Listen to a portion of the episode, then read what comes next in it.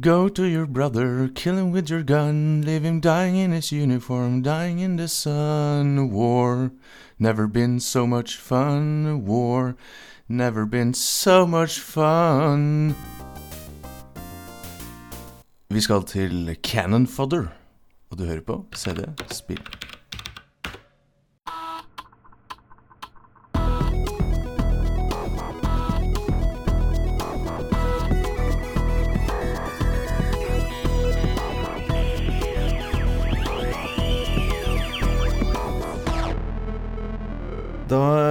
Eh, trekker jeg for de eh, liksom tykke blomstermønstrede gardinene, og så skyver jeg den eh, pinnestolen med blomstermønstret pute inntil bordet, og så trykker jeg på den eh, røde eh, taktile på-knappen eh, på den beige PC-en min, og så er vi i gang med nok en episode av eh, mimrepodkasten CD Spill. Jeg heter eh, Sigve og eh, er eh, en helt ubrukelig eh, pro gamer, men jeg har veldig mange gode minner fra veldig mange gode spill på 80- og 90-tallet, og det snakker vi om i denne podkasten. Heldigvis er jeg ikke alene. Eh, jeg har med meg min gode venn og gaming-bro fra oppveksten, Mr. Mamen. Yo. Halla. yo, yo, yo. Yo, yo. Hello. Ja, der er vi back, back on track. Akkurat som i gamle dager. Jeg sitter og koser meg med en eh, Pepsi, akkurat som i gamle dager. Ja, Bare hatt noe paprika ja, så hadde det vært eh, så angrer jeg på alt. Jeg sitter med et glass vann, det var teit. Men ja, Pepsi og paprikapotetgull, paprika og det er en litt spesiell kombo som eh, jeg har veldig mye gode minner fra. For det var eh, fri tilgang, eh, vil jeg nesten si. Eh, men du har jo blitt en veljustert type du i voksen alder, selv om du ikke var noen sånn voldsomme begrensninger på paprika og og Pepsi. Jeg vil si det. Hvem skulle trodd? Hvem Ja, skulle hvem trodd? tro? ikke bare Ja. Nei, blitt, eh, drikker det fortsatt, da. Så litt avhengig er jeg kanskje blitt. Men, eh, men eh, ja, det går greit foreløpig. Ja, jeg vil si det. I dag eh, har vi invitert en eh, jeg vil si, a very special guest, eh, som vi har hørt fra veldig, veldig ofte. Men ikke stemmen, men bare opplest fra spesielt kanskje kommentarfeltet til spillhistorie.nos artikler, og litt på Twitter. Og det er altså Hei, hei, Terje Høybakk. Hei, hei. Takk for at vi kommer. Ja, hyggelig å ha deg her. Jeg har inntrykk av at du er en Amiga-mann, basert på at du kommenterer ekstra mye på Amiga-spillene vi spiller. Er det riktig gjetta? Det stemmer nok. Eh, Det var det jeg vokste opp med. Jeg må innrømme at jeg har egentlig veldig lite personlig erfaring med DOS. Nei, men Det er ærlig sagt. det. Nå har vi et spill som kom eh, til både DOS og Amiga, så da tenker jeg vi kan eh, utveksle litt erfaringer der. Så det høres jo veldig ut som en bra kombo. Så har vi vel, vi har vel mykna opp litt, kanskje, i det siste, Mammen. For det er jo Jeg sa jo det før vi begynte å spille inn episoden, at liksom Ja, Amiga og PC slash DOS, det, det er jo liksom litt nærme hverandre, og mye av de samme spillene. Så jeg har ikke så pigga ut lenger på, på Amiga som jeg har Nei, på Nintendo, f.eks. for eksempel. Nå som du har skjønt hva Amiga er, så, Ja, så ja. går det greit. Så, så Terje, du er hjertelig, hjertelig velkommen, altså. Eh, For vi snakker jo ja, om de samme spilla, og eh, det er jo minimale forskjeller. Du vil jo kanskje mene at det er små forskjeller til det bedre på Amiga, men eh, den, den krangelen kan vi jo ta en annen, eh, en annen gang, kanskje. Jeg må, jeg må innrømme, det går jo begge veier. Ja, Ja, ikke sant? Ja. Ja. Nei, eh, det er jo litt av det poenget. Altså Definisjonen på denne her podcasten er at det skal komme til, eh, til PC, og det er fra 80- og 90-tallet. Eh, I hvert fall foreløpig definisjonen, da. Så, det, så lenge det, det har kommet både til Amiga og Atari og whatever, det, det er greit. Det lar vi gå. Og så vil jeg jo si, du nevnte i stad, Terje, en, en, hva skal jeg si, et personlighetstrekk som kvalifiserer både til å være god lytter og god gjest hos oss. Eh, Jeg vet ikke, hvor, hvor mange Amigaer har du, eh, og Commodore har du nå? Å, hjelp. Det er eh, bare sånn ut av lufta, så er det ti-tolv stykker, i hvert fall. wow. Ikke sant? Ja. Og hvor mange cirka de er altså, hva skal jeg si, operative, kan brukes? Eh, to Amigaer er i vanlig drift, Ja.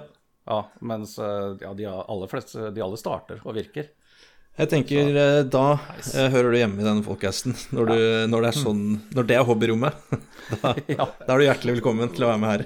Men hvor mange, F, hvor mange FM Towns har du? Ja, det er det store spørsmålet. Ah, den, den mangler jeg. Den mangler jeg. jeg har Det gjør- andre, andre det gjør vi alle. Ja, det er kult. Nei, jeg skal tilstå, jeg vet ikke hva jeg har sagt før, men jeg er én ting jeg er litt sånn eh, Jeg kunne ønske at jeg hadde i barndommen, var det faktisk en Amigas. For jeg har jo skjønt i ettertid hvor eh, eh, Altså, på det herligste var Amiga ganske herlig. Og noen ville kanskje si at det aldri slutta, men det Ja. Ja, den, ja, den hadde en uh, kort glansperiode, uh, egentlig. Uh, helt i starten av 90-tallet. Og, og slutten av 80, kan man vel også si. ja. Ja. Vi titter bitte litt tilbake to uker før vi hopper eh, til dagens spill. Eh, da snakka vi om Secret Agent. Det tror jeg er et utelukkende PC-spill, så det har du kanskje ikke noe forhold til, eh, Terje? Ikke i det hele tatt. Nei? Vi hadde en kommentar på Facebook, tror jeg. Har du lyst til å lese opp den, Sigurd? Ja, det stemmer. Eh, vi hadde en liten post ute på Facebook-sida vår om folk var kjent med Secret Agent Man, som jeg kaller det. Ja, stemmer. stemmer. Eh, og der sier eh, Tor André eh, Kiel Mørkved Elska de spillene. Fikk de med en 150 spills CD-romplate fra PC Gamer. Høres litt kjent ut, eller mm. hva med? Det tror ikke jeg kjøpte det spillet heller. Eh, Secret Agent, Duke Nukem 1 og 2 ante ikke at det var et plattformspill, da jeg hadde prøvd 3D allerede, og en rekke andre fine perler. Mange år siden jeg har spilt dem, men husker de siste levelene var et helvete å klare. Det, det, da håper jeg du snakker om eh, episode 2 og 3, eller Mission 2 og 3, fordi Jeg selv jeg, som profilerer meg som en som ikke runder spill, har runda eh, Ja. Secret Agent. Du altså ble altså ferdig etter sist? Du ble, ja, Jeg ble, ja, jeg ble ferdig. Jeg var, eh, tok, sprengte øya og båten over på, på øy nummer to. Ja. Eh, der var det litt vanskelig, da, så da kan det hende at jeg ikke Ja. Nei, så du Virka som du hadde eh, god, god glid i forrige episode, men du, du har ikke klart å Ja. fullføre siden den gang. Nei, jeg møtte litt veggen, for det, jeg var jo veldig sånn Jeg sjekka meg veldig at eh, Nei, ja, ja, når du dør, da, så begynner du liksom hele brettet på nytt. eh, men det går greit. Det var liksom ikke så Men så gikk det ikke så greit likevel, egentlig. Når jeg kom og gjorde det mer og mer på større brett på, på den andre øya, da, i den andre missionet. Eh, men jeg anbefaler det fortsatt. Det er fortsatt et gøy spill. Ja. Så takk til eh, deg, eh, Tor André. Eh, hyggelig med en liten kommentar der. Selv om jeg er litt Jeg skulle ønske jeg visste CD-rom. Han høres kanskje litt yngre ut enn oss, fordi han har fått det på CD-rom, og han visste ikke at Duke Nukem er et plattformspill. Er det, Ja. er det lov å Ja, anta at han altså. Du må huske at det var 3D som revolusjonerte verden. Da. Det er litt som ikke vite om Wolfenstein CD selv om du har spilt Doom. Jeg føler det er litt samme sjangeren. At, eh, Altså, det er mulig jeg er litt biased, uh, men altså, jeg husker veldig godt Duke Nukem 1 og, og 2. Uh, ja. Nei, det er vel ikke umulig at vi har noen som er yngre enn oss også her. Sånn er det jo blitt. Det, er flere av, det blir bare flere og flere av dem, vet du. De som blir er yngre enn oss. Så det var eh, litt innspill der på Facebook om Secret Agent Man. Ja, jeg tenkte jeg ville kommentere at det, det tok noen år etter Duke Nukem 3D før jeg også lærte at det var et par plattformspill før det som eksisterte. Ok, da skal ikke jeg eh, Da skal jeg Da skal ikke jeg da skal, Jeg skal være prinsippfast, men ikke aggressiv. Det er greit. Ja. All right. Du, jeg tenkte før vi hopper i gang med dagens spill eh, Jeg har litt lyst til å bli litt bedre kjent med både Terje og egentlig hverandre her. Ja. Eh, så jeg lurte på om eh, dere har fått en litt hjemmelekse. Uh, og eh, i hvert fall jeg og Sigve, og muligens Terje er veldig glad i sånne spill som gjerne varer en stund. Da. Det er liksom One More Turn og Civilization og veldig svært og grandiost, og det blir jo aldri ferdig. Eh, og det har jeg mye glede av, jeg, altså. Men jeg tenkte, skal vi komme med et lite tips til noe som ikke tar så lang tid? Og så har jeg ikke definert hvor eh, mange minutter eller timer det er greit, men altså en kort spillopplevelse vil jeg gjerne, vil gjerne at du skal anbefale. Jeg vet ikke Terje, vil du begynne? Det kan jeg godt. Eh, Jeg valgte meg ut et litt mer moderne spill som heter Light. Det er Ja. fra 2014. Og det er en liten indie-tittel som jeg tror ikke så veldig mange har hørt om. Nei, dette er jeg spent på. Få høre. Ja, det er en liten indie-utvikler som kaller seg for Just a Pixel. Og eh, det er et eh, snikespill, et, et kort lite snike-stealth-spill. Og eh, det gjør egentlig ingenting nytt hvis du Selv den gangen, hvis du har spilt et snikespill før, så, så finner du ikke noe nytt i det her.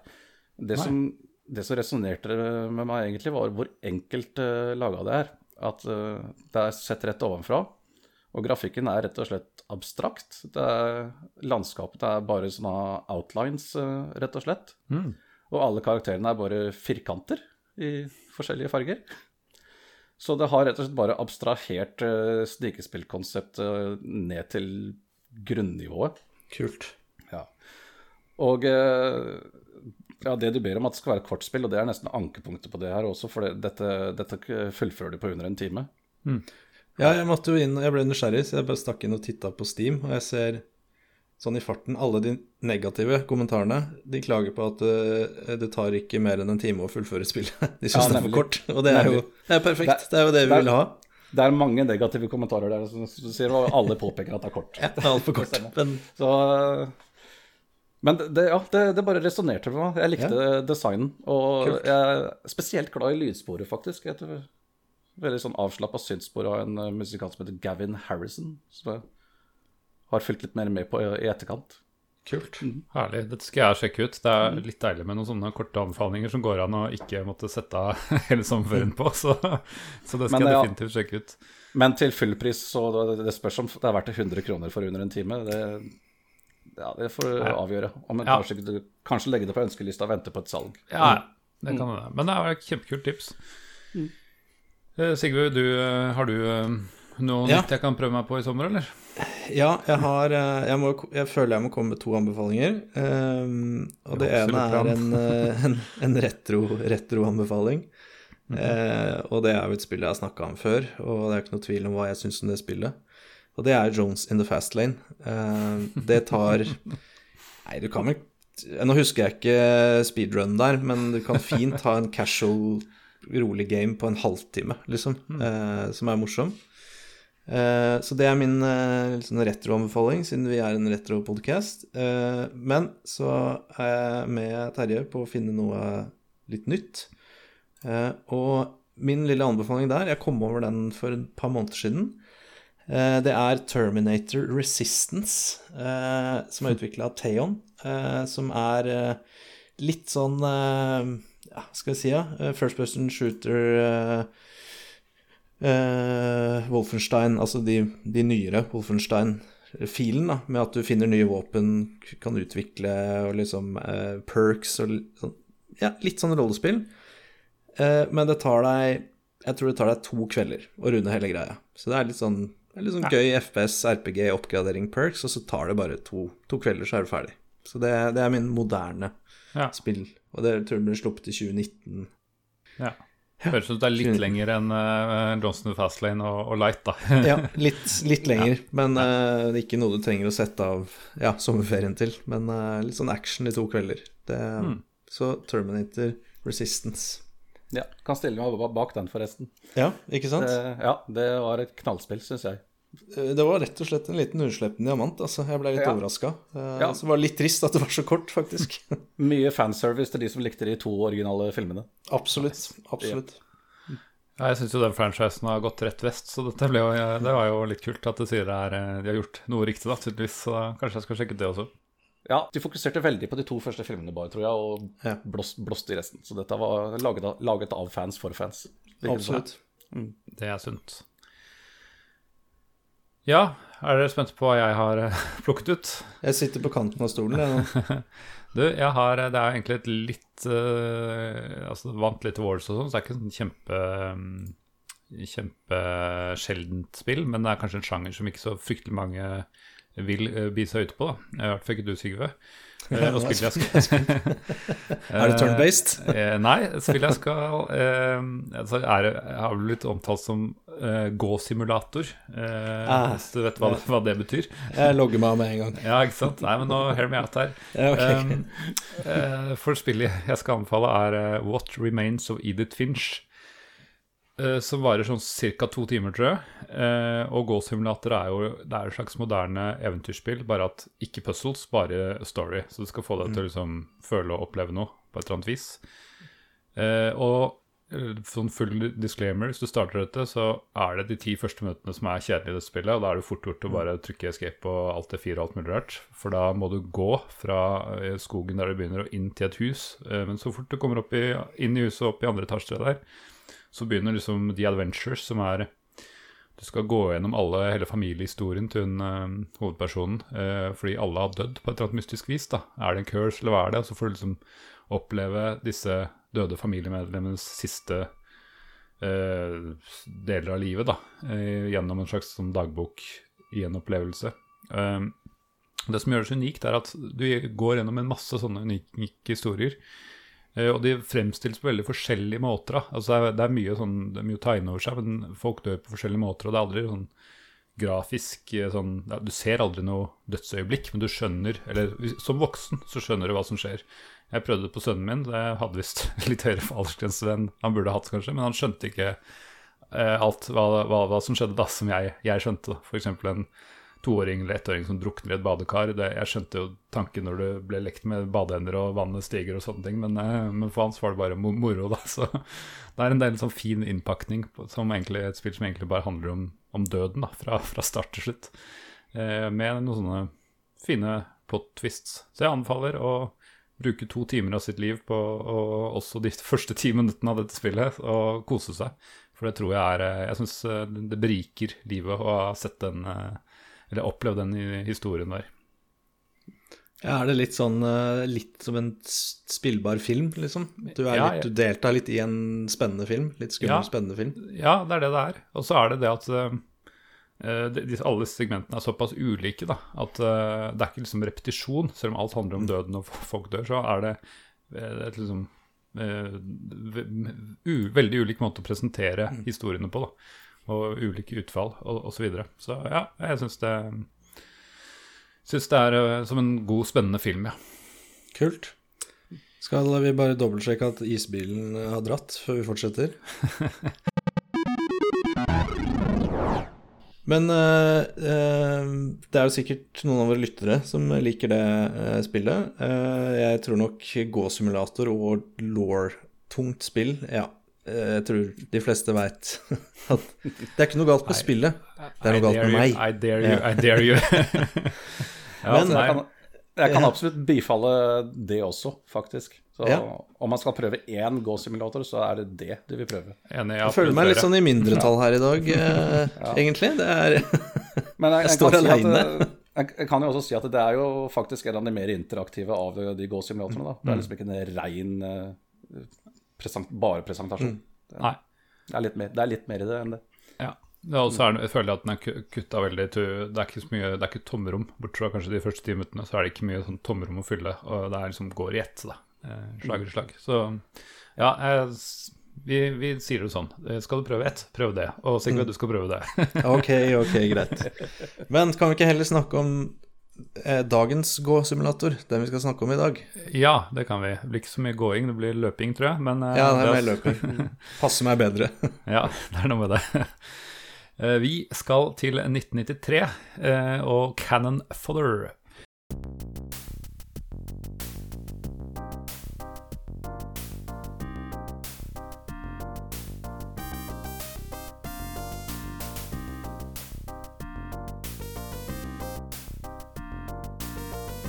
Det ble utviklet av eh, Sensible Software, eh, som jeg ikke kjenner så veldig mye til, men jeg tror de er veldig store på Amiga. Og Virgin Interactive Entertainment var eh, utgiver. Ja, eh, jeg føler, at Terje Høybakk er rette til å forklare både om eh, hva Canfodder går ut på, og kanskje hva Sensible Software er for noe. Eh, stemmer ikke det? Jo da, jeg har en viss innsikt. Få høre. ja, uh, Canfodder er uh, en artig liten uh, action-strategihybrid, vil jeg si. Et uh, rent krig- og skytespill. Mm. det er presentert i fugleperspektiv, sett ovenfra og ned, hvor du bare hvor du klikker deg rundt og styrer en liten tropp med soldater og skyter andre soldater. Og sprenger bygninger og slike ting. Og det her også er presentert ganske helt enkelt. Det, er, det er, egentlig ingen story i det hele tatt. jeg jeg, jeg kikka til og med i manualen tidligere for å se om det faktisk er, blir presentert en liten uh, backing, men det er, nei, det er ingenting. Nei. Ja, Det blir bare plassert i tilfeldige oppdrag og får beskjed om drep alle fiendene, spreng alle bygningene. Redd noen sivilister.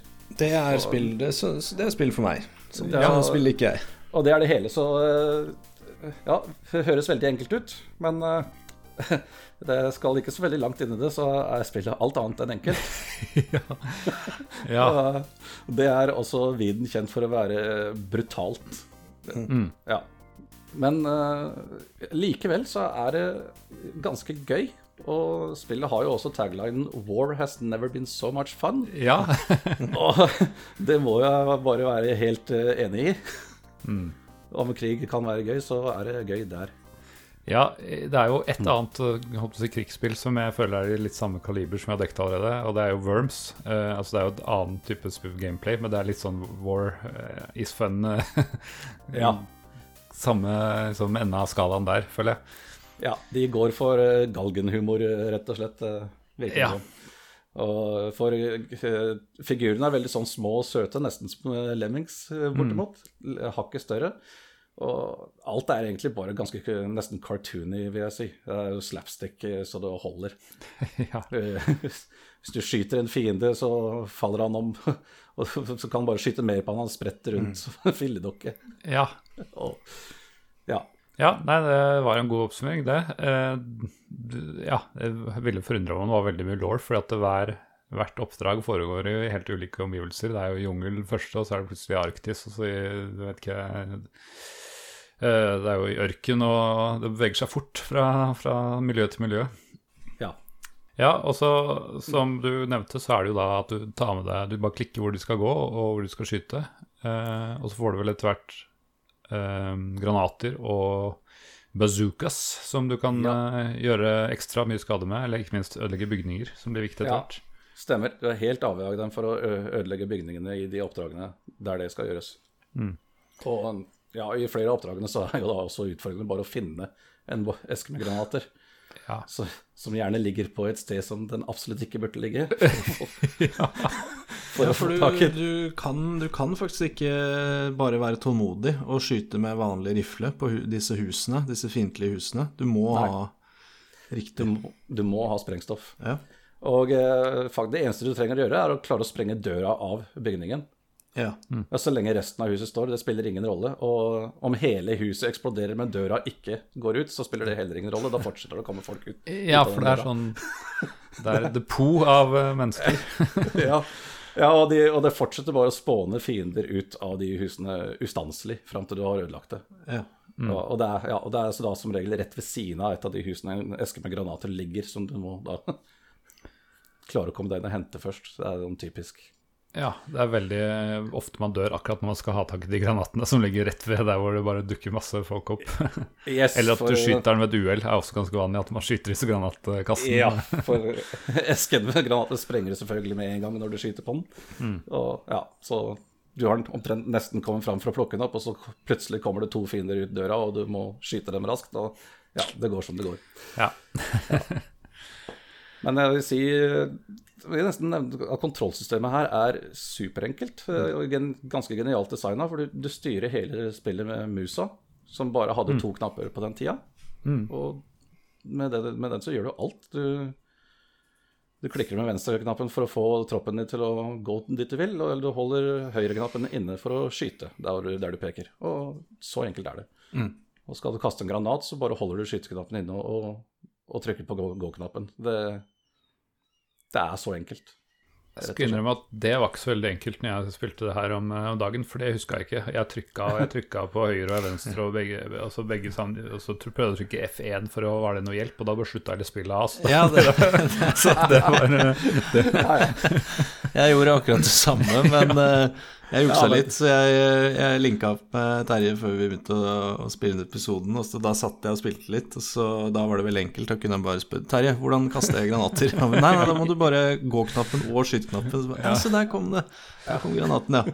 Så, men jeg også trodde jeg skulle inn i en meny eller noe. Skulle bare sjekke går det an å liksom styre lyden eller et eller annet. Trykka på F1, da, da var det ha det bra. Så da var det var spillet over. Det er jo flashback til gamle metoden, det, når vi hadde mange spill og ingen manualer. Så Mm. metoden var jo bare å sitte og trykke alle tastene én Ja, ja. etter én for, for å se om det skjedde noe. Notere seg hva som skjedde, ja. Yes. Og så må du ikke trykke på escape heller, det fant jeg ut. For da eh, Det er retry-knappen. Så da starter du missionet på nytt. Det er egentlig litt interessant, fordi da starter du med Hvis eh, noen har dødd, så blir de replaced. Uh, mens ikke du har dødd, så blir du vel bare tilbake til start, start face, som det var. Altså det blir Ja. bare en reset av de som er levende, fortsatt er levende, av eh, troppene dine. Ja, For det er, det er fort gjort å låse seg fast eh, ved at du f.eks. ikke klarer å få tak i de granatene du trenger. Og det rett og slett er tomt for sprengstoff. Og det er bygninger å sprenge. Da, da har du ikke noe valg, da må du bare begynne på nytt. Ja. Men eh, apropos det, det å ha, du ser jo når du starter spillet at det kommer en rekke med rekrutter på en, eh, ved en ås, og så gjør seg klare for å, for å komme inn i, i hæren. Ja. Eh, Det er jo litt, litt festlig, festlig skjermbilde, da. Kan ikke du Ja. fortelle litt om det? Det er en ganske legendarisk bit. Altså, spillet i seg sjøl jo Presenterer jo krigs på en humoristisk og useriøs måte. Men akkurat den skjermen der, den, den gir deg et litt eh, hardt slag i magen etter hvert. Så, for eh, det er som du sier, eh, du starter spillet første gangen, og det kommer en gruppe Det er 15 eller 16 eh, sivilister gående rundt åsen og blir vinka inn en dør av en militærfyr at OK, dere er de neste i køen, skal ut i krigen. Og lydsporet i bakgrunnen er sånn veldig sånn sørgmodig, melankolsk låt, og skjønner ikke hvorfor det. Men jo da, når du spiller spill etter hvert, og så har du mista et par folk, du, du kommer til neste oppdrag, og det kommer en ny gjeng med folk eh, rundt og, og stiller seg bak køen, og to nye blir, eller, et par nye blir vinka inn. Mens, men det har dukka opp et par kors på den åsen. Og eh, det viser seg at for hver eneste mann, som alle har individuelle navn, vel å merke også de, eh, Ja, hver eneste mann som dør, får sitt eget kors på den åsen etter hvert. Og det blir etter hvert mange. ja, det blir, ja. Veld, veldig, veldig mange. For det høres ut som spillet er raust når det gir deg 15-16 nye, nye liv, da, rett og slett, for hvert oppdrag du fullfører. Men eh, det er ikke det, altså. Du trenger de. Ja. Og det, ja. det, det, en sånn, det ble, var en sånn liten aha-opplevelse det der etter hvert når eh, Ja, når du så den greia med at det bare pøser på nye sivilister, nye folk hele tida inn i maskinen, og det bare blir flere og flere kors på den åsen. Da, da skjønte du hvorfor den der melankolske låta spilte i bakgrunnen. Nei, jeg jeg er jo litt eh, ja, imponert kanskje over at de har greid å ha liksom begge deler. Som du sier, det er liksom små, søte karer, og det er litt slapstick, og det er litt sånn det er bare humor. Ja. Men så har de det aspektet, altså bare sånn som du sier at de har eh, nav Alle har navn. Eh, Ja. og, og så ranker de jo etter hvert opp også, eh, så det gir jo den enkelte en militær verdi. Men også der så er det liksom ikke levels, det er disse eh, disse chevrons, disse militære ranking-greiene. Eh, Ja. Distinksjonene. Og, og så, ja, dør de, så er det kors i åsen, og der blir det flere, flere kors etter hvert. Så det er liksom Ja, ja. Det er liksom begge deler her. Eh, syns de har løst det godt, egentlig. Ja, altså det stemmer som du sier, at de, de går jo opp i rank for, for hver fase Mm. de, de overlever. Så stiger ranken deres litt. Grann. Og de får finere kors eller gravstøtter på Ja. åsen hvis jo, jo høyere rank de har. Det høres Er ut som en sånn- del av spillet jeg aldri kom til. At jeg har hatt så høyt ranka Det er sånn offiserkors og sånn, ja. Stemmer det. Ja. Og så er det en der, eh, liten sånn der topp five-liste på sida der også. Ja. Med de soldatene som har eh, flest kills, er det står. Ja. Mm. Ja, for det er litt, Jeg syns det er litt morsomt. Det, at uh, når, når du spiller selve spillet, hoved, hovedskjermen, så er det jo, er det jo helt Altså Det ser jo helt prikk lik ut. Det, du er jo bare Ja, cannon fodder. Det er liksom du, hvem, hvem av dem som overlever, bryr seg ikke. Men akkurat der har de klart å få det litt personlig. Hva et navn og distinksjon. Og det er litt surt hvis du har klart å liksom ta vare på noen og fått litt rank, da, så plutselig eh, kløner du bort det i en eller annen mislykka granatavfyring eller et eller annet, så er det litt vondt. Jules overlevde helt til mission 5, og så Nei! ja. Den, er, den er klassisk, altså. Ja. Disse ranking-diskusjonene de var ikke bare til pynt, nei. Det, det, faktisk så Jo høyere rank de har, jo, mer, jo flinkere blir de. ja, hvordan da? Eh, At de har eh, lengre range eh, på skytinga si. De skyter lenger, og, og mer nøyaktig. Wow. Ja, for det har jeg ikke ja, tenkt på før. Jeg trodde det bare var for, eh, for liksom high score-lista å, å få de bra. Ja, og jeg tror også de blir hakket flinkere når du ikke kontrollerer de, for eh, du kan jo dele opp troppen din i eh, individuelle lag. Ja. Og, og de som blir stående igjen, som du ikke kontrollerer, de vil skyte etter fiender som nærmer seg Ja. på, på egen hånd. Og jeg tror, jeg tror de er bedre på det for, jo høyere rank de har. Ok. Også. Ja, for den funksjonen har jeg, så jeg nå, eh, og så tenkte jeg det tør jeg ikke, for de står jo bare og ser dumme ut hvis jeg går fra dem. Så jeg tenkte at det skal jeg know. Og, Men det, ok. og det, er, det blir ganske fort alfa og omega, rett og slett. Ja, riktig. Ja, Ja, fordi, du må, i, I de seinere oppdraga så rett og slett bare må du ta, bare plukke ut én mann og rett og slett bruke han som en slags scout. Og Ja, for- For jeg så, jeg så det der Jeg, jeg veit ikke om jeg fikk det helt til. Jeg kunne trykke på navnene på venstre side når jeg var på oppdrag. Stemmer. Men, men hva, kan ikke du forklare det for meg? Blir de stående igjen, de andre da? Eller hva, hva skjer? Hvordan Ja, det- gjør man det egentlig? Du trykker på navnet, så mange navn du vil, egentlig, for å lage et nytt eh, lag. Og så trykker du på logoen over øverst. Ah, det var det jeg ikke gjorde. For jeg så jeg da, fikk sånn farge på navna, men ok. Og da skiller de seg ut i et eh, nytt lag. Skjønner. Og så eh, du kan forene Det er bare å gå sammen igjen. Så, Så, så forenes de til, til ett lag igjen. Et lag, Og du, kan, og du kan også velge hvor mange av granatene og rakettene de, dette nye laget skal ta med seg. Altså, spillet her blir bare mer og mer avansert jo mer jeg hører. Det virker Ja, så utrolig barebones og enkelt, men eh, ja, ok, kult. Som, ja, som standard så vil det nye laget bare ta med seg halvparten av granatene og rakettene som det er. Og det er markert, at det, det er markert når du, velger, når du trykker på et av navnene, så er det en stipla linje rundt granatene og rakettene. Ah, Det betyr at det er halvparten, men du kan trykke på de på det tidspunktet. Og hvis du fjerner rett og slett øh, om, omrisset rundt, så tar du ikke med seg noen ting. Ja. hvis, du, hvis du får en heltrukken linje rundt, så tar de med seg alle. ok. Ja. Ok. Så i de seinere oppdragene hvor du gjerne starter med noen håndgranater og raketter, så han første scouten du sender ut det kan, For min del så syns jeg det lønner seg å, å ta med halvparten av granatene, men la rakettene være. Ja. Ja, For øh, de, de, vil- de vil du ikke miste. Det Nei, er- for de, de, de, blir borte hvis de er i lomma Ja. til han som dør. Ja, ja. Da, Ja. da, da er tapt for alltid. Da er de gone. Ja, ok. Ja. Så det, Ja, der, der er vi der igjen. Det, det, Ja. er fort gjort, å- det er fort gjort å låse seg fast uten å, ha, uten å egentlig ha mista hele, hele troppen. Nettopp. Mm, og måtte starte på nytt.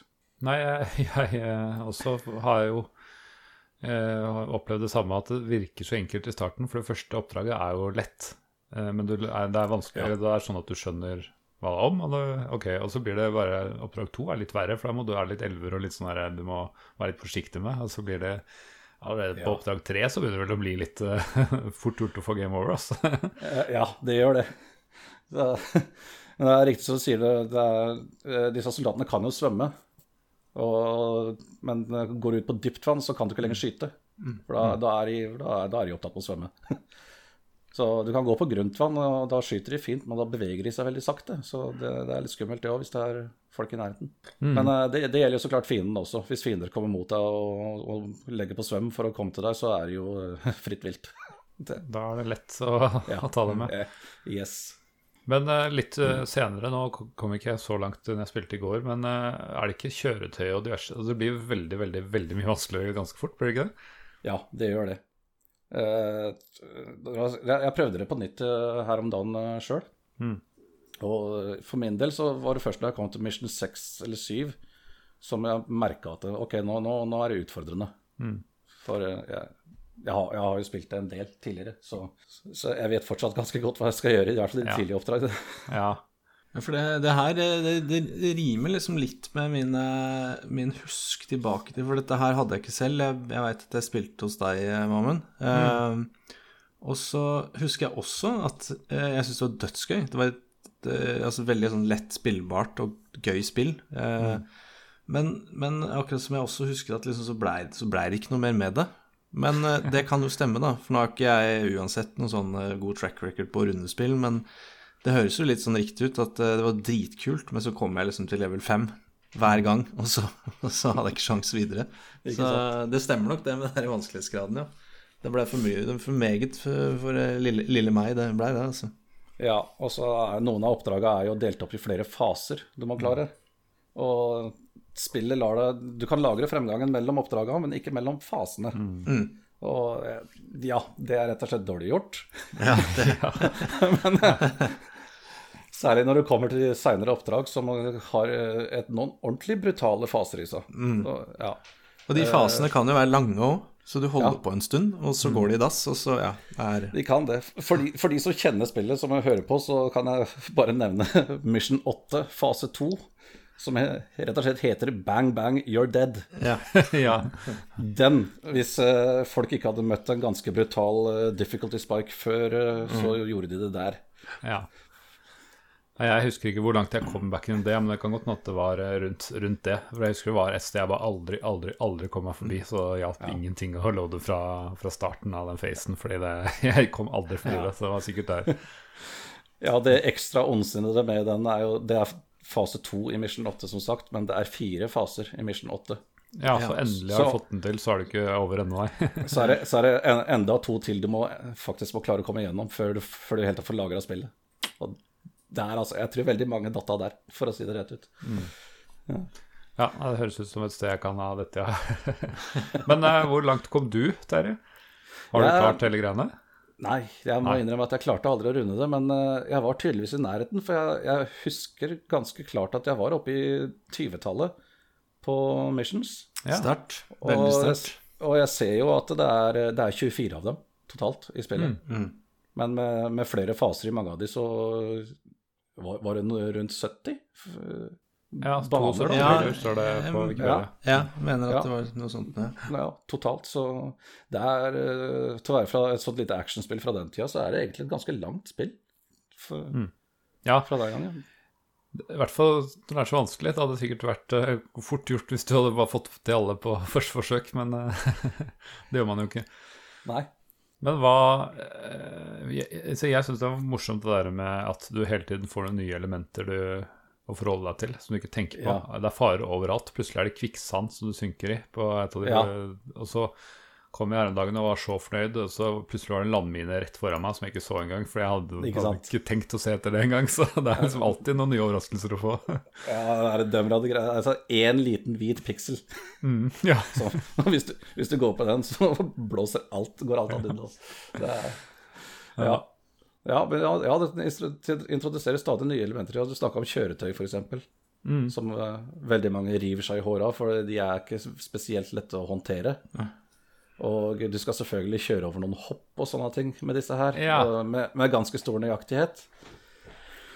Så uh, det- er en hel del frustrasjon i i det spillet her, det er ikke tvil om det. Men på, på en god måte, for du Nesten hver gang alt går til helsike, så går det til helsike på en sånn måte som gjør at du sitter i grunnen bare og håper og ler av det. ja. og hvor idiotisk og fånete Du blir, blir nesten fatalistisk når du spiller det, vet du. Så eh, det, det var kanskje vårt Dark Souls. Ja, altså det høres jo nesten litt sånn ut. Vi snakka om det i stad, Terje, at eh, det var jo, dette var jo sånn man gjorde spill Altså ga spill lengde, Ja, og gjorde at man det. kunne spille et spill lenge. Med begrensede tek teknologi. Så nei, jeg får bare gjøre det så dritvanskelig, da, at folk, folk ikke kommer gjennom. Men ja, Ja, ikke sant? er, her snakker vi Souls, ja. Tidlig Souls. Vi sier det. Eh, Ja. Etter, hvert, ja, etter hvert så kommer jo over eh, sivil eh, befolkning også i spillet, og du får etter hvert ordre at disse må beskyttes, de må eskorteres. Å, det høres ut Det, det Ja, høres det- vanskelig ut. Ja, Ja, det, er, det er akkurat så grusomt som det høres ut ja det Og tror jeg. det- Vel, for å si det sånn, hvis det er sivilister i banen, for de, de, de skyter etter deg, ikke sant? Ja. De også.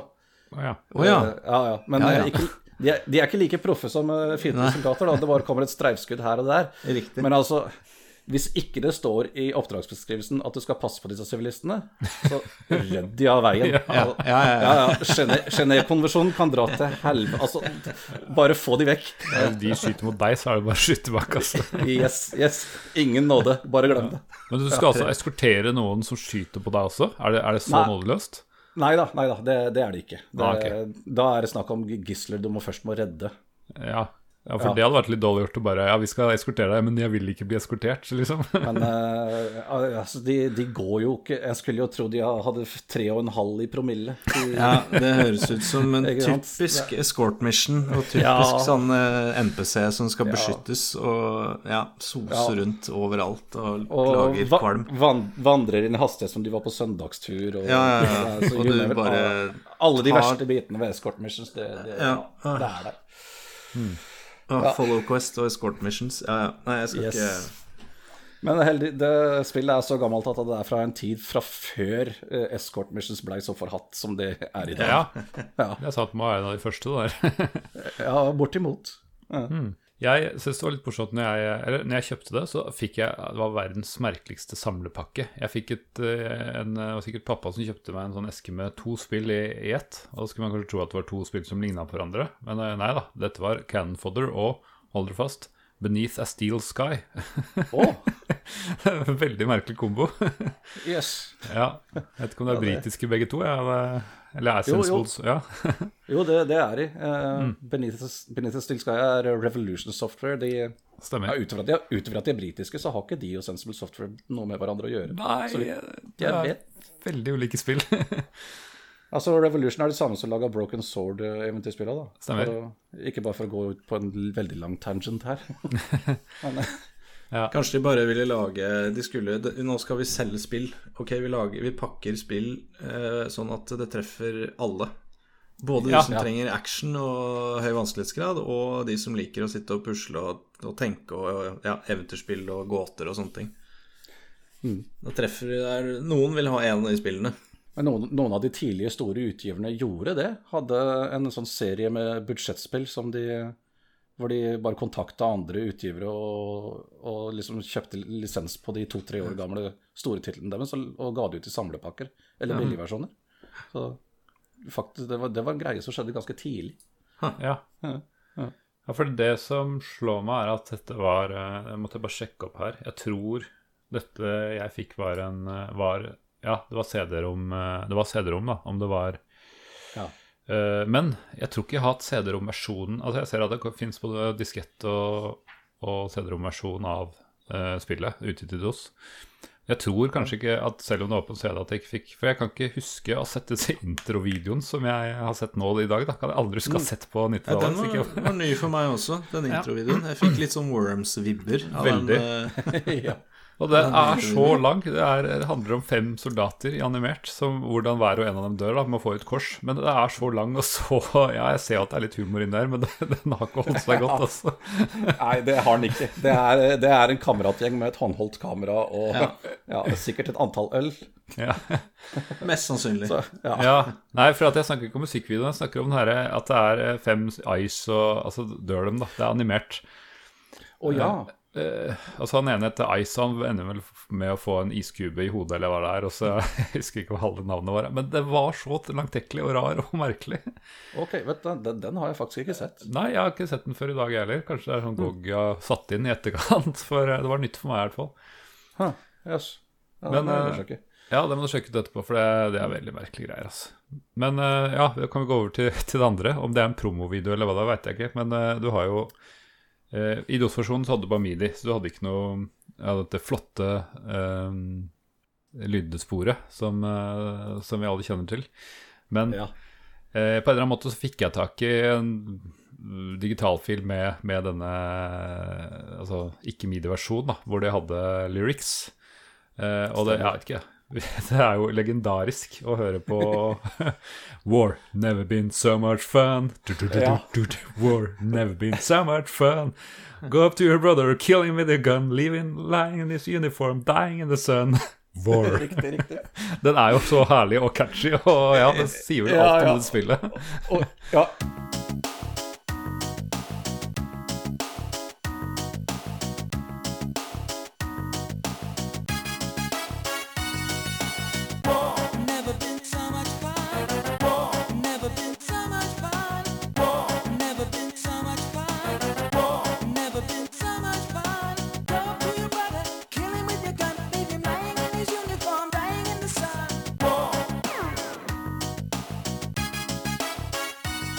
Understreker hvor sarkastisk eh, hele dette opplegget egentlig er. Ja. Så ja, det, det er en sang som han eh, eh, John Hare, som er mannen som sammen med en kamerat starta opp Sensible Software en gang i tida. Ja. Han er, også, han er også musiker. Det er han som komponerte den sangen. da Det er han som synger også, forresten. ja, riktig. Yes. Den er jo sampla så sykt, men eh, det er det som Ja, gjør den så den- kul, da. Den er det. Det var uh, spillmusiker som heter Richard Joseph, som uh, gjorde den jobben. Som tok og sampla ned låta for å ja, for å kunne få den til å spilles Ja, på, en, på, på på, en, på en Amiga med 1 megabyte ram, bare. Ja. Så Men uh, fullversjonen av sangen er i eh, er å, var å finne i, på en utgivelse, men det var ikke akkurat så lett å få, få hørt den. For eh, det kom ut en egen versjon på Amiga CD32-konsollen, Oh, ja. som var en av de aller tidligste CD-baserte spillkonsollene. Og der var en introvideo, den FMV Uh, full-introvideoen av de der sa, ja, disse fem utviklerne som har klemt på seg uniformer, bare springer rundt og er idioter. ja. Og, det, og med den så spiller eh, studioversjonen da, det, av sangen over, er jeg ganske sikker på. ja. Jeg posta den på discorden her i stad, Ja, den eh, stemmer. musikkvideoen. Men den Men er, eh, det er Altså, du ser jo fra første sekund hvor det er en, en i denne stridsvognen som har på seg sånn Mario- Mario-hatt eller hva det er, eller caps eller hva så du skjønner jo at det er, det er langt ned. Det er ikke noe Ja. seriøsitet her. Det er ingen stor produksjon det der i det hele tatt. Og, ja, det var jo de færreste som så den, for selv om eh, kanskje mange hadde det på CD32, så du trengte ekstrautstyr på en CD32 for å se FMB-videoer. For den var, den var såpass basic, den konsollen. Og jeg vet ikke hvor mange som kjøpte det ekstrautstyret, for den, med den korte levetida den konsollen hadde, så var det bare Cannon-fodder som, hadde- som brukte den i det hele tatt. Så du, du kjøpte eventuelt det ekstrautstyret for å se den ene videoen på det ene spillet. ja. ja. End, endte det opp med, da. Det vil jo nesten si det er verdt det, altså, for den er jo legendarisk på sin Ja, egen måte. ja, ja nå, nå, er den på, nå er den jo på YouTube og lett å finne. Så. Ja, ja, selvfølgelig. Så Nei, den må alle se, ass, uansett om man liker eller eh, syns det. Ja, så bare få, få det sett. Ja, det, det burde man. Jeg poster link i shownotes uh, hvis, hvis man mot all formodning ikke har eh, fått med seg den ennå. Eh, det sa- det samme er tilfellet med det der melankolske temaet som spiller på statusskjermen, forresten. Å? Ja, det er også en original sang som John Hare skrev mange år tidligere. Oh, Og, som wow. også, og som også har vokal, egentlig. Men ikke, men ikke i noen av spillutgivelsene, da. Ja, det var nytt for meg. Faktisk en gammel kjærlighetssang han skrev som 18-åring, av alle ting. Hvem skulle, skulle bare visst?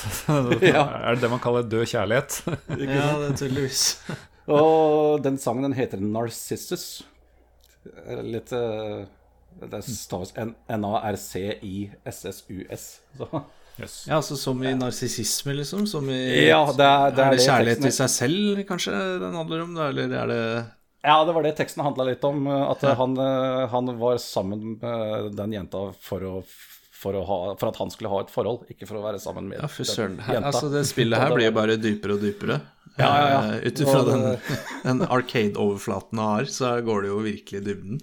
Du kan finne en YouTube-video eh, med, med den studioversjonen av den sangen, og John Hare selv kommenterer i kommentarfeltet under den eh, YouTube-videoen, ganske høyt oppe, og, og, og legger ut i det vide og breie, faktisk, ja, og, og bakgrunnen til den sangen der. Det er faktisk verdt å få med seg. og, det er herlig. og, det er, og det er verdt å høre den studioversjonen nå. Han, han spilte den nemlig inn på nytt. Og mm. sammen med en kamerat eh, som hadde et lite studio i garasjen sin. Og de tenkte kanskje skulle hatt en solist, en saksofonsolist med. Og så For da knipsa han ene i fingeren. Jo, du, vet hva, jeg kjenner han saksofonisten som spiller sammen med Roger Waters i Pink Floyd. Wow. I alle dager. Og det, I alle det, dager. Det, han, han heter Ian Ritchie. for, for det. Og ja, de fikk tak i han, så det, ja, den studioversjonen av den, det er en veldig klissete tidlig 90-talls kjærlighetsballade med ikke bare én, men to saksofonsoloer. Å, kjære. Ok, ja. Saksofon, det, da er det bankers. Da er vi Ikke sant? Ja, og det, du hører han, Det er liksom, i hvert fall den siste lange saksofonsoloen, så har du har den Pig Floyd-sounden der, altså, faktisk. Ja, herlig. Ja, altså det Hør den sangen. Det, Det er godt tips. Saks, saksofo, ja. en musikalsk tidsmaskin. Ja. Og eh, en siste morsom ting med det der er at eh, det var et forlag som heter Read Only Memory, ga ut en bok som dokumenterte hele historien til Sensible Software. Og da fikk de også trykt opp en EP som heter Ja. Den Og- eh, kan- befinner kan seg i hendene til uh, Terje Høibakk nå. Yes. Jeg kan ikke, kan ikke flytte meg så langt fra mikrofonen, men den heter The Sensible EP. Og har er da helt, de, helt vilt. og har da, de to uh, sangene fra Cannonfodder og tittelsporet til Sensible Soccer. Både helt- org originale Amiga-versjonene på den ene siden og studioversjonene på den andre siden. Og Skal vi tipse Punti om det her? Punti har jo også er, Har ikke han en del eh, han, han samler Ja. litt på, på spillmusikk, helst på Ja, det er vel flere av gjestene våre, for så vidt. Som er, Ja. Vi er jo nerds alle sammen. ja, men han Men eh, den har, der eh, likte jeg. Eh, Blir han, litt snevrere, blir har, det ikke. Han har etter hvert en ganske legendarisk samling med spillmusikk på vinyl, ja. Men jeg Ja. vet, ikke om, han- jeg vet ikke om han har den. Nei, det Nei, tror jeg ikke han har. Altså. Der, der går utfordringen. Jeg gikk og sjekka, jeg gikk og sjekka på hjemmesida til Read Only Memory forlaget også, men eh, beklager, den er utsolgt. Å, fy søren. Dette Oi, oi. Jeg gleder meg til å høre, jeg gleder meg til å høre Punti hisse seg opp. For den der vil han ha, da. Bare fordi den er utsolgt. Ja. Kult. All right. Eh, jeg vet ikke om dere har hørt om denne kontroversen som eh, var med i dette spillet, som var uh, Remembrance Poppy-kontroversen. Oh yes. ja, fordi på introskjermen så er det jo bilde av en, en eh, som ligner på en sånn valmue eh, Og det står 'Can Follow Over', da. Mulig at det sto på, på spillesken også. Eh, og det er jo ikke noe jeg kjenner fryktelig mye til, men eh, det er, har med sånn valmueopprop, sånn poppy appeal, som eh, er i Remembrance Day. Men eh, kan noen eh, utdype mer hva, hva dette er for noe? Ja, det er, det er The Royal British Legion har jo den som en, nesten en slags symbol. Så, og det er som du sier, Remembrance Day, at det er jo en veldig viktig greie. Og ja, når de fikk høre om at uh, dette, det handla om spillcoveret, da At eh, dette spillet skulle komme ut med denne valmueblomsten, eller egentlig akkurat som tittelskjermen, en, en svart boks med valmueblomsten og logoen, skulle komme ut eh, med det. Og da steila disse Royal British Legion og sa at nei, fader, dere kan ikke bruke det symbolet der på et sånt uh, spill som det. Det, det. det får dere ikke lov Ikke, ikke gjør det. Så designet på spillboksen ble endra, da. Så de Å ja. Ja, men ja, fordi men det, det- er jo det- I tittelskjermen så er det jo det bildet fortsatt, men eh, Ja, ja i, i spillet så eh, er, den, er han der fortsatt. Så Mm. det ja, de, de spilte sikkert aldri spill engang, så jeg vet ikke, jeg. Nei, og det var jo den tiden hvor spillboksen var jo en sentral del av spillet, og det var jo Yes. den man ser i spillbutikkene, og så de tenkte vel ikke på selve spillet. Da var de happy, da, tydeligvis. eh, Anta, få fjernet fra antagelig. Og, eh, men det er en, eh, i hvert fall i Amiga-versjonen, så er det jo en liten referanse til det med en gang når du starter opp spillet, at det første som kommer opp på skjermen, er en liten tekstlinje hvor det står This game is not endorsed by the Royal British Legion. Ja, selvfølgelig. stemmer. stemmer. Ja, vakkert. Vakkert. Og uh, i, i tillegg til det, de, de fikk tydeligvis blod på tann for uh, et Amiga-blad som het Amiga Power. Da, utgivelsen deres som hadde Cannon Fodder-anmeldelsen, gjorde akkurat det samme. Hadde den Cannon Fodder-logoen, da, altså valmueblomsten, på forsida si. Og akkurat det samme. Det bladet måtte trekkes tilbake og, Oi, såpass, ja. og trykkes, trykkes opp på nytt med ny forside. Wow. Det, Det er radikalt, det er radikalt spill, det her. Banebrytende ja. Radikalt. Uredd. Ja, da har du da, da har det blitt litt for trangt, altså. Hvis jeg ikke Tenk. Nei, det er jeg enig i. Ja. Kun, altså, kunne noe sånt skjedd i dag? altså, da måtte det vært eh, Da måtte det vært veldig ille, den forsiden, altså. Jeg klarer ikke å se for meg altså, Ja, vi har et debattklima som kan ligne litt hvert, men at noe skulle liksom måtte trekkes tilbake pga. logo, da skulle det vært veldig, veldig grov, føler jeg. Ja, eh, jeg kommer ikke på noen eksempler sånn eh, rett ut av lufta, men eh, det, det, det har sikkert skjedd flere ganger. Ja. Det, er, Det kan, kan ikke tenke på noe annet. Nei, det var jo Altså, dataspill var vel ikke akkurat for voksne på 90-tallet. Nei, så det hadde nok eh, Altså, i disse dager så samarbeider jo Altså, US Army har jo sitt eget krigsspill, eh, First Person Shooter, så det er vel skjedd litt siden da. Sant. Ja, de har en viss mer innsikt i hva det er, har, har de vel muligens. Men ja, nei, du har fortsatt noen av den der gamle generasjonen som fortsatt ikke har snøring, så Ja. ja. Det er sant, det. Men uh, dette sto vel uh, så vidt i, litt i manualen om akkurat den der eh, at not endorsed og sånn, eh, men jeg også, også. Men uh, du har kikka virkelig på manualen, du, Sigve? Har du funnet noen Jeg Ja. mener det er noe gull å plukke der. Ja, altså, det er litt sånn hvor skal jeg begynne? Eh, Det er jo morsomt å se Det er jo flere av spillene vi snakker om eh, fra denne tida, eh, som er helt tydelig eh, lagd av en par-tre karer. Ja, det var vel Secret Agent var, vel, var det to eller tre stykk som hadde Ja. lagd hele spillet. Stemmer. Eh, og det kommer det, det ser litt sånn ut i manualen også på det spillet her. For, eh, for den er Det er jo for så vidt kort og grei, eh, men ja, jeg får litt sånn inntrykk av at her er det et par karer som bare har sittet og hatt det gøy og drukket noen øl. Det er mye godsaker her, da. Men eh, den, det jeg kanskje koste meg litt med, var jo etter litt sånn eh, informasjon om spillet og våpentyper og sånn, så har du eh, en seksjon på slutten som heter Be the fittest and survive with the following handy hints. Eh, og du nevnte det jo for så vidt, eh, Terje. Eh, skal vi se her. Det, er et, det er et tips, der, faktisk, som du, du var inne på i stad. Eh, when you have shot a man and he's lying there dead, shoot him some more to make him jump around like a bunny. Så det er jo da et off official tips i manualen. Det blir aldri kjent. Eh, det er ikke sant. Uh, og så, apropos den liksom eh, tosidigheten uh, And a more serious note, don't try playing this at home, kids, because war is not a game. War, as Cannonfodder demonstrates in its own quirky little way, is a senseless waste of human resources and lives. We hope that you never have to find out the hard way.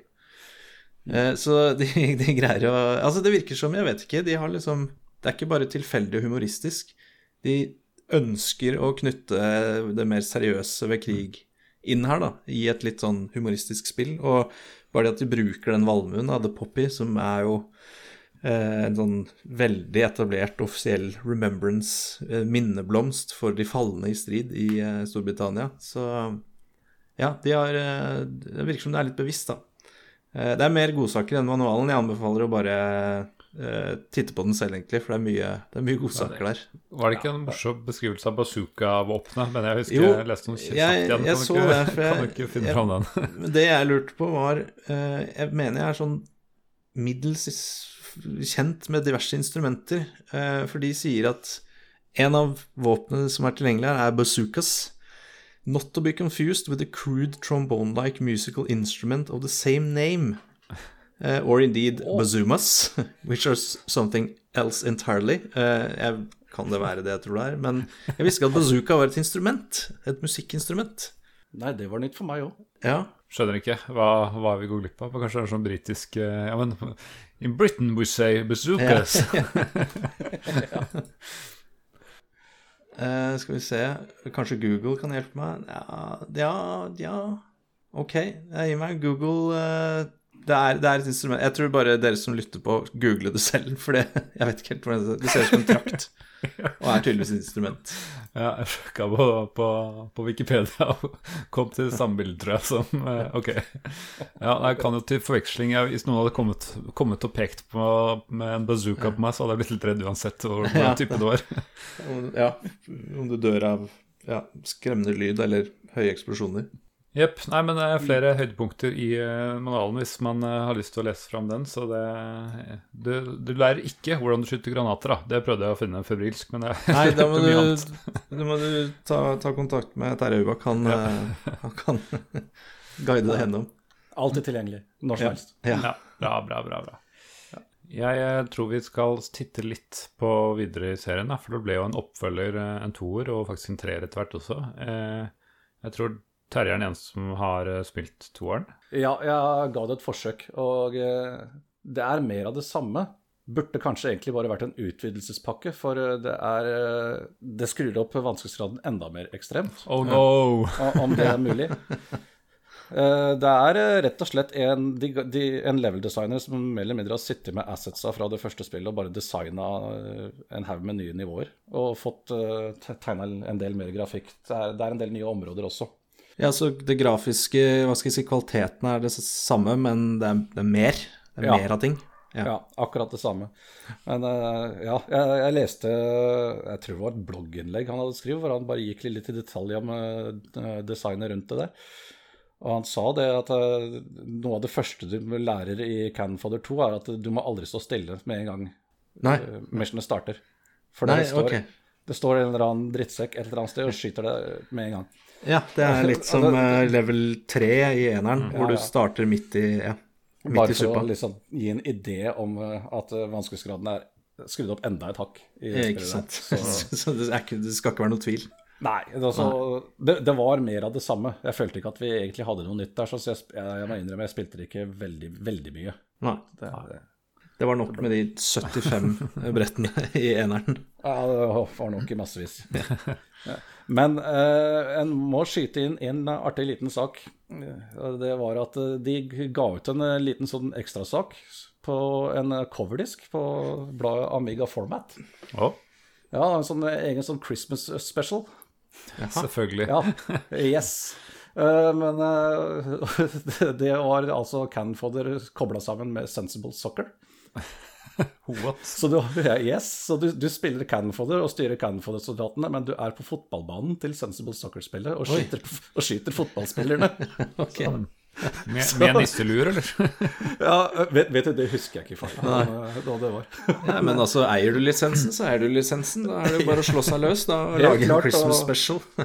Er du som meg og er ikke spesielt glad i fotball, så er det ekstra artig. Ja, altså, det faller i smak her også. Jeg har aldri vært så opptatt av fotball, men hvis jeg kan ta med guns på banen, så ja, kanskje jeg skal sjekke det ut. Så det, ja, det kan, det kan du også finne en liten playthrough av på YouTube hvis du bare går for uh, Can for the Christmas Special. Herlig. Eller, eller også, det, blir, det blir også kalt Can Soccer. Ja, selvfølgelig. Selvfølgelig. Ja, ja det høres ut som eh, og Kanskje det er enda morsommere fotballspill enn eh, Hva er det alle begynte å like? Jo, det derre um, Rocket League, for det var liksom et fotballspill bare et spill, så vi kjører biler, så her er det en god contender. Men eh, det kom også Cannon for 3 i 2011. Jeg, jeg tror ikke jeg har fått med meg at det har kommet engang. Jeg brydde meg i hvert fall ikke nevneverdig. Men eh, det er vel Jeg hør, hørte så vidt om det. Og Ja. eh, Det var en russisk utvikler eller noe sånt, tror jeg, som hadde klart å klore til seg lisensen på et vis. Ja. Om jeg ikke husker feil. ja. Det ser ikke ut som du fikk all verdens av omtale. Så det var Nei, jeg, jeg tror jeg bare fikk med meg nyheten på, på en spillnettside. Og så, og så verken hørte jeg eller så mer til det.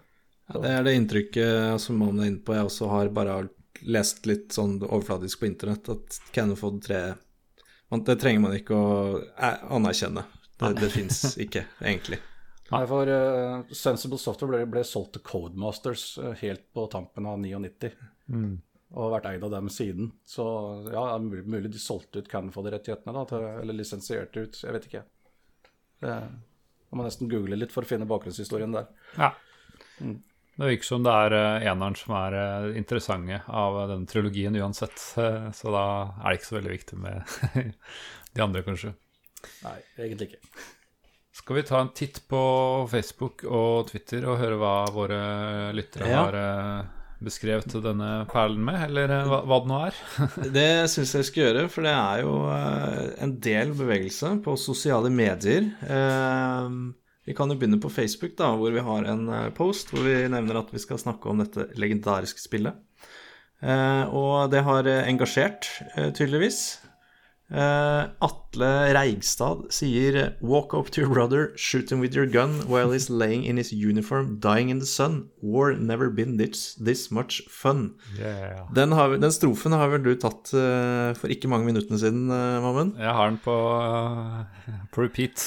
Ikke sant? Så han avslutter med at musikken i spillet sitter fortsatt i minnet. Eh, Eivind Johnsen uh, sier uh, til din store glede, Terje, eh, spilte dette på Amiga.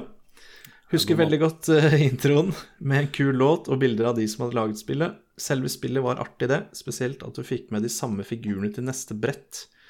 Det er jeg enig i, at du har litt sånn følelse av progression og eh, et skal kalle det et rollespillelement. At du går opp litt i level. Eh, Erlend Fidan sier jeg må ha vært ca. ti år første gang jeg spilte dette. Det traff en nerve, strategi, krig og en spillsjanger jeg aldri hadde sett før. Ja, hva skal vi egentlig kalle denne sjangeren? Spent på om dere har funnet noen alternative moderne spill. Hvis, de, hvis dere, som vi var inne på, hvis dere sier 'Can for the 3', så kaster jeg opp. eh, vi kommer tilbake til det, Erlend. Eh, som flere andre så debuterte jeg også på en Amiga. Se her, ja. Eh, men det var heldigvis Det var DOS eh, som var plattformen da vi fikk det i hus noen år senere. Vi hadde ikke noe lydkort i 386-en, så jeg har ikke nos- nostalgi knyttet til den velkjente temasangen som siteres av eh, Atle her oppe, ja. Siden jeg har spilt på Snes eh, Siden har jeg spilt på Snes, men det er vanskelig uten mus. Det Ja, tror jeg det på. høres helt grusomt ut. Jeg trodde eh, jeg var døla god i dette spillet og hadde runda lett, men etter å ha hørt på forrige uke Secret Angel-episode, gikk det opp at versjonen jeg spilte av Canfoder, antagelig også var et Sharer-spill. ikke sant? Jeg var sur i lange tider for at jeg ikke fikk spilt med tigeren på Wacky Wheels.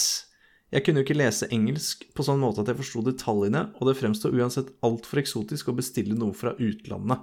Faktisk føler jeg meg litt snurt og opprørt nå. Eh, og Hallgeir, eh, som da tydeligvis er eh, bror, eh, kommenterer Hm, storebror, storebror burde nok nevnt det for deg. Så det er litt engasjement. Ja, ja. det, det det kom jo fram før eller siden, da. Ja, altså han måtte bare bli godt voksen, for han lærte om shareware-konseptet. Eh, og det som er fint nå, er at nå kan du jo finne frem alle disse godsakene, vet du. Så har vi rippa spillminnene om hvor stolt han var i fillebiter, fordi jeg har forklart at du bare spilte shareware-versjon. Hva vi, gjør med folk. eh, vi går videre til eh, Twitter. Uh, et CD underscore spill.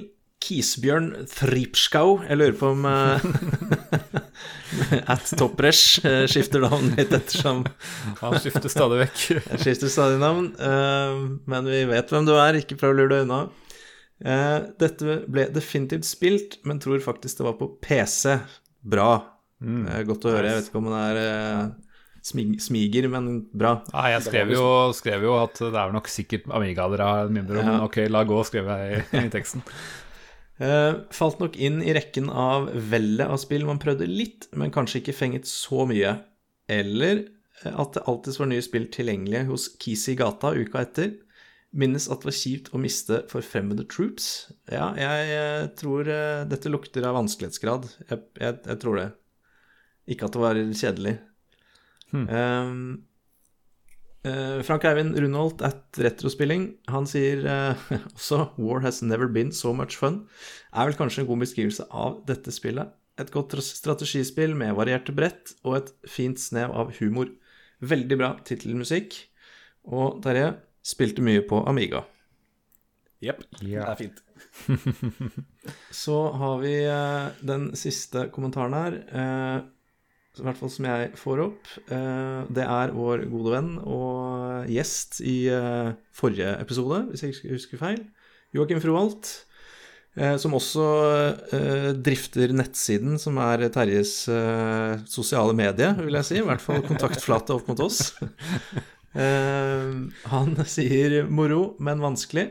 Ikke minst fordi det var så kjipt å miste soldater man hadde hatt med lenge. Så det ble fort en restart, selv om man klarte et oppdrag. Og det kan vi vel kjenne oss igjen i. Absolutt. Det skjedde noen ganger, det, òg. Ja. Ja. Så godt eh, Ja, kult engasjement rundt Canofodder på mm. social medias. tror det er eh, noen som har felt det. Nå har vi to ting igjen. Eh, før vi finner ut om det finnes noe tilsvarende i dag, så prøver vi å finne ut hva med originalen. Eh, har det holdt seg? Er det verdt å spille i dag? Canfolder igjen. Jeg vet ikke, Sigve, du kan, du kan få begynne. Jeg eh, tror jeg må gå tilbake til min klassiske tja. Ehm, det er, som Terje er inne på, veldig enkelt og spillbart. Sånn, kontrollene er utrolig intuitive og greie. eh, og I hvert fall hvis man har Terje på tråden og får lært hvordan man kaster granater. Eh, nei, du styrer alt med musa og høyretast og venstre. Det er liksom veldig enkelt og greit. Eh, du bare kaster deg inn i det. Samtidig så er det et veldig gammelt spill. Eh, litt sånn dårlig framerate, litt uh, zooma inn. Um, så jeg, jeg har lyst til å si tja, det er gøy eh, det, er gøy det er gøy å prøve ut noen brett, det er det. Men jeg tror nok ikke jeg kommer til å pushe og grinde for å komme forbi Hva var det, Mission 8 fase 2? Eller eh, ja, ja. Ja, det er, lov å stoppe der. ja, jeg tror nok ikke jeg gjør det. Så jeg sier en, en, eh, en sterk tja, sier jeg. Ja, jeg er på samme, samme nivå. Eller, eh, dette er noe man egentlig eh, burde prøve en gang. Ja, Ja, det det, det, det syns jeg. god, for, god opp, oppsummering. Mm. Altså, det, det er like spillbart nå som det var da. Det er det. Men det er, det er hva det var da. Ja, sant. Ikke sant? Så ikke, ikke gå inn i det med noen ambisjon om å fullføre det eller noe. Men uh, jøsse navn, du, du, har, du har noen timer med god underholdning der eh, likevel, altså. Og eh, ja, DOS-versjonen er lett å få tak i på Good Old Games, eller GOG hvis det heter bare nå. Mens eh, ja, vil du prøve Amiga-originalen, så krever det litt mer innsats med emulatorer osv. Ja, jeg bare skyter inn at det fins noe som heter Open Fodder, som eh, støtter både DOS-versjonen og Amiga-versjonen. Du må sikkert ha noe assets, men det er vel litt lettere eh, å, å spille det på det. Så det er en tips hvis du ikke har sånn som du, da, tolv Amigaer stående parat til å, til å spille. Um, men eh, ja, jeg må egentlig stille meg bak det dere har sagt. Eh, jeg syns det var eh, helt greit Altså, ja, jeg jeg kan ikke si så mye nytt. Det er lett å, å liksom skjønne spillet eh, og komme inn i det og prøve. Vanskelig å fullføre. eh, og jeg sier det samme. Jeg, jeg, jeg syns det er gøy å spille det i halvtime. Jeg, tror, jeg kommer ikke til å gå tilbake til noe mer enn den halvtimen.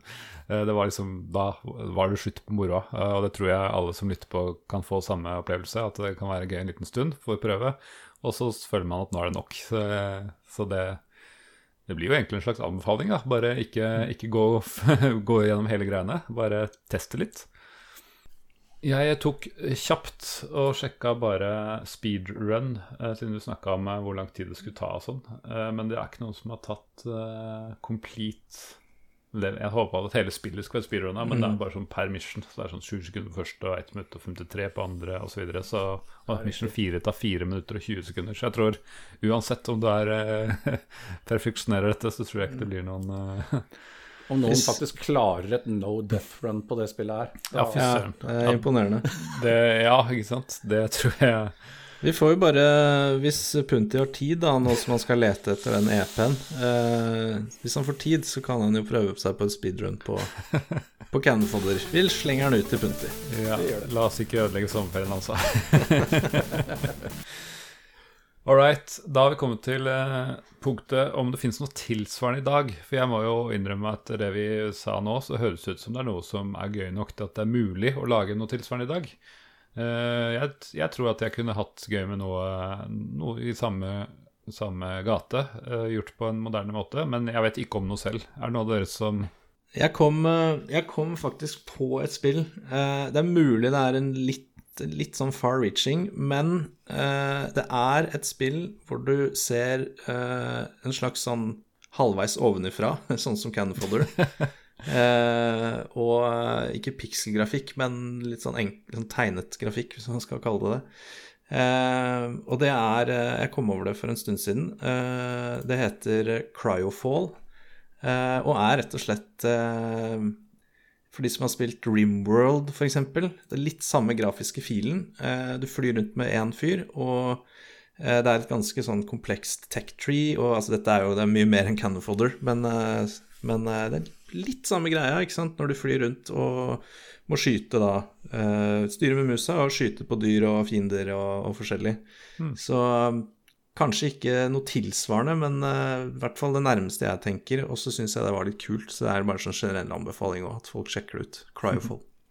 Kult. Ja, eh, jeg satt og prøvde å tenke litt, og nei, jeg, jeg klarer egentlig heller ikke å komme på noe som eh, ligner veldig på det spillet. Så jeg juksa litt og prøvde å ta Google til hjelp for å se om jeg klarte å finne noe. Og, Ja, bra. Gjort research.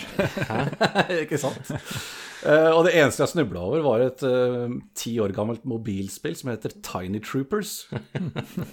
som uh, i hvert fall ser ut som du kontrollerer på mye samme måten. Du har et lite team med sånne artige små soldater, og du styrer med en musepil og går og skyter. Og det, var, det er det lille jeg så. Det er ikke, jeg har i hvert fall ikke prøvd det. Og det har blitt porta til Steam. Jøss, yes, mobilspill om- til Steam. ja, ikke sant? Så om noen faktisk er interessert i å ta og kikke på det, så eksisterer det. Det het uh, Tiny Troopers, ja. Uh, ellers så aner jeg ikke. Nei. Så Vi tar imot tips, fordi vi syns det var gøy nok til, til at vi har lyst på tips til eh, om det finnes noen andre moderne fra våre lyttere eller folk i kommentarfeltet. Hvis du har noen eh, venner Hva blir det? Eh, Kollegaer i kolle- i kommentarfeltet på spillhistorie.no. Terje. ja. Jepp. Vi har vel kommet til veis ende en, øh. Vi har vel kommet Ja. til veis ende.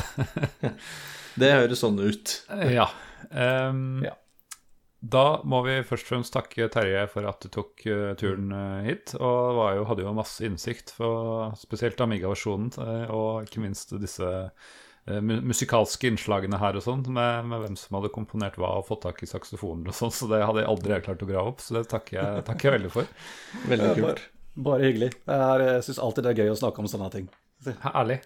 Eh, Vi letter litt på Vi tar ikke sommerferie riktig ennå. Det blir sikkert litt lengre sommerferie ute Vi er sikkert ikke tilbake om en- stund ut på høsten når vi først tar det, men eh, ikke nok om det nå. Eh, Neste gang, midt på sommeren, eh, da kan du flytte til hva da, Sigve? Du, da eh, skal vi til nok et eh, hva skal jeg si, høy, høyt tempo sett ovenfra-spill som jeg syns var dritfett, men som er helt sånn sinnssykt vanskelig etter hvert. Men eh, ja, jeg bare Det må snakkes om. Det er, eh, det er et hva, hva heter det, fly, fly shoot em up-spill sett ovenfra, som var uh, utbredt på den tida. Ja. Og det heter uh, Tyrian. Jeg tror kanskje det heter Tyrian 2000, men det heter i hvert fall Tyrian det skal vi- skal vi finne ut av. I neste episode. Ja. Eh, ja, nei, det er fra Epic Megagames, så jeg. Jeg er litt usikker på om jeg har spilt eller ikke. Det, var, det kjente, ringte ikke noe veldig med en gang, men det skal jeg også finne ut av. Og jeg skal love dere å hvert fall teste det neste gang, uansett eh, hva jeg gjorde back in the day. Så kos dere med det. Men uh, for nå, ha det bra. Ha det bra.